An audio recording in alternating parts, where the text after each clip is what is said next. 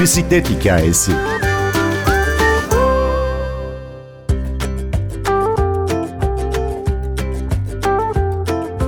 Anları yakalamak çok önemli. Aktarabilmek de öyle. Bir bisiklet hikayesinde bugün fotoğrafçı bir bisikletli gezgini Cemal Atasoy'u ağırlıyoruz. Ben Günür Öztürk Yener, bir bisiklet hikayesi başlıyor.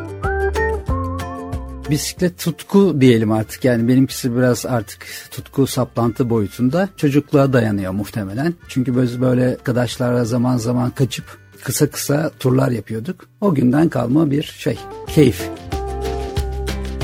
Siz yalnızca kendiniz için gezmiyorsunuz. O anıları, o anları başkalarına da aktarabilmek için çabalarınız da var. Diyoruz ya aynı zamanda fotoğrafçısınız ve çok özel karelere sığdırdığınız bazı anlar da var.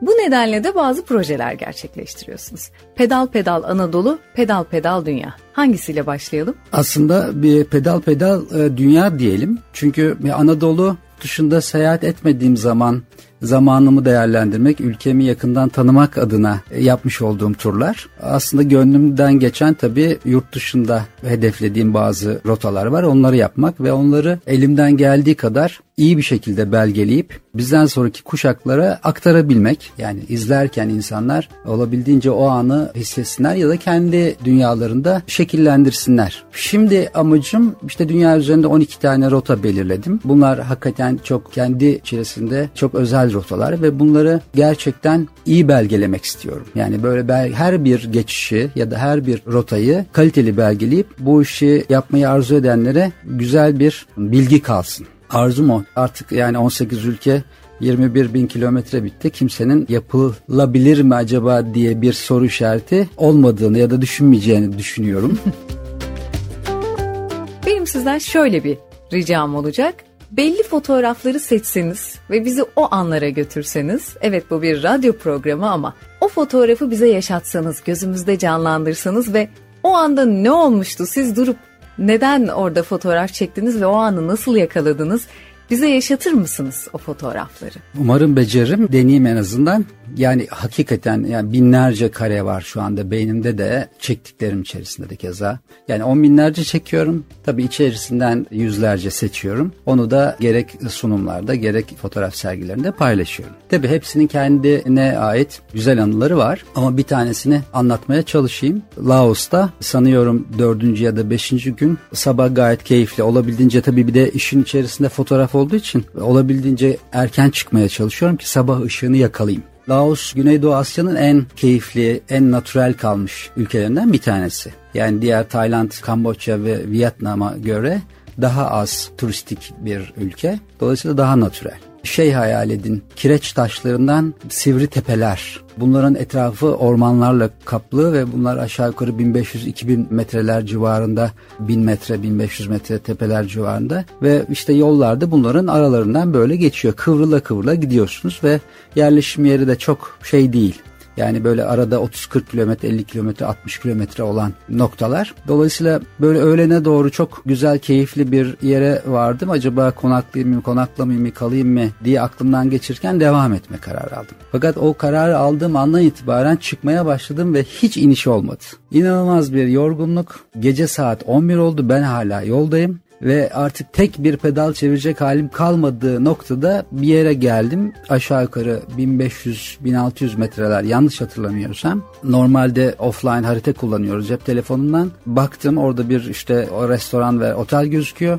Fakat vardığımda öyle bir otelin olmadığını öğrendim. Aa. O yorgunlukla. Gece ben işte duş alacağım, rahatlayacağım, uyuyacağım, yemek yiyeceğim, yatacağım hayalleri kurarken maalesef öyle bir sürpriz oldu. Çalışanları kaldırdık işte ben geldim yatacak yer var mı yok yemek var mı yaparız tamam hemen çok inanılmaz yani o Laos'un en güzel yemeğini belki de yorgunluktan onu da bilmiyorum. Yedim o şeyde ve dedim çadır kurabilir miyim? Olur dediler. Restoranın önüne çadır kurdum ben ama gece karanlık tabii ölüyorum yorgunluktan ben kurmamla yatmam bir oldum. Sabah kalktığımda muhteşem bir manzaraya uyandım. Bir tepenin kenarında kamp yapmışsınız ve bulutlar üstündesiniz. Bisikleti koydum ve arkada bulutların uçuştuğu ve bisikletin kadrajda olduğu bir kare çıktı. O kare benim için özel karelerden bir tanesidir. Bisikletle yollara düşme kararını almak kolay mı? Benim cephemden aslında işin en zor kısmı e, bu kısım. Çünkü benim profesyonel bir kariyerim var. Yani organize perakende sektöründe uzun yıllar yöneticilik yaptım. Dolayısıyla asıl olan hakikaten bugün baktığımda geriye bisikletle uzun uzun yollar yapmak değil bu kararı alabilmekti. Yani ben kariyerime virgül koyuyorum ve koyduğum yaş 40 ve artık ben gönlümden geçen bir şey var bunu yapmak istiyorum. Bu inanın dünyaya 3 tur atmaktan daha zor. Siz çok planlı programlı bir gezginsiniz ama acaba hiç hesaplamadığınız, planlamadığınız bir şey geldi mi bu seyahatlerde başınıza ve üstesinden nasıl geldiniz? Geldi gelmemesi zaten mümkün değil. Planlama kısmı da mesleki bir hastalık. Tabi profesyonel hayatta riske edemiyorsunuz hiçbir şeyi. Hep bir B planı C planı olmak durumunda.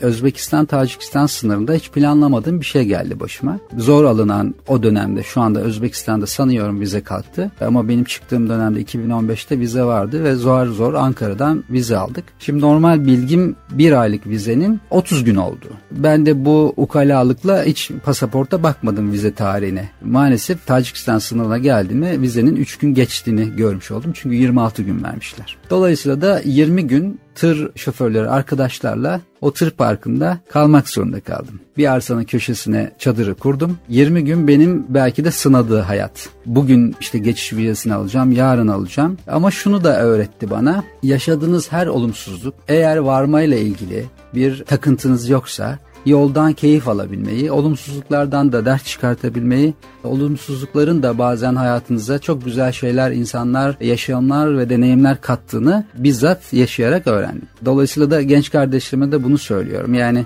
hayatta hiçbir şeyle ilgili illa varacağım ki e, turculuk da ona yol tutulması diyorlar. Yani A noktasından B noktasına varmak.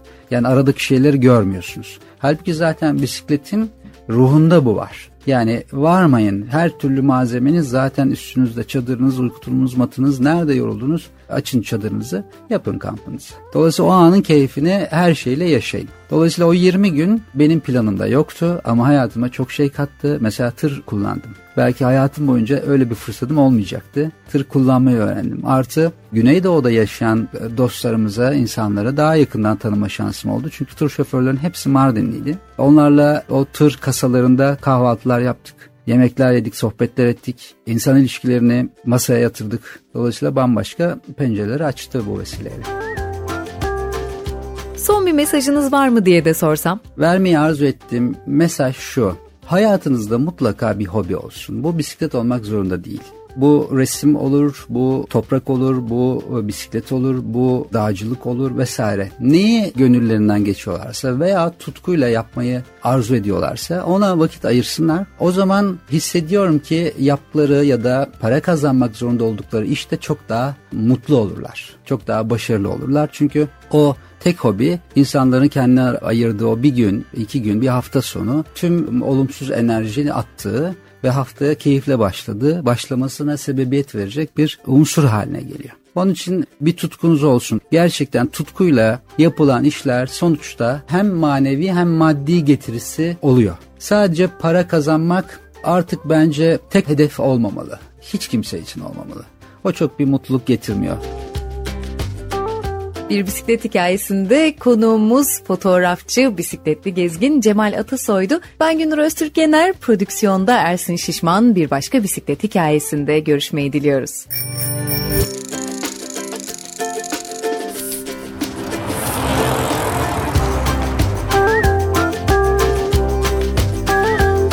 Bir bisiklet hikayesi.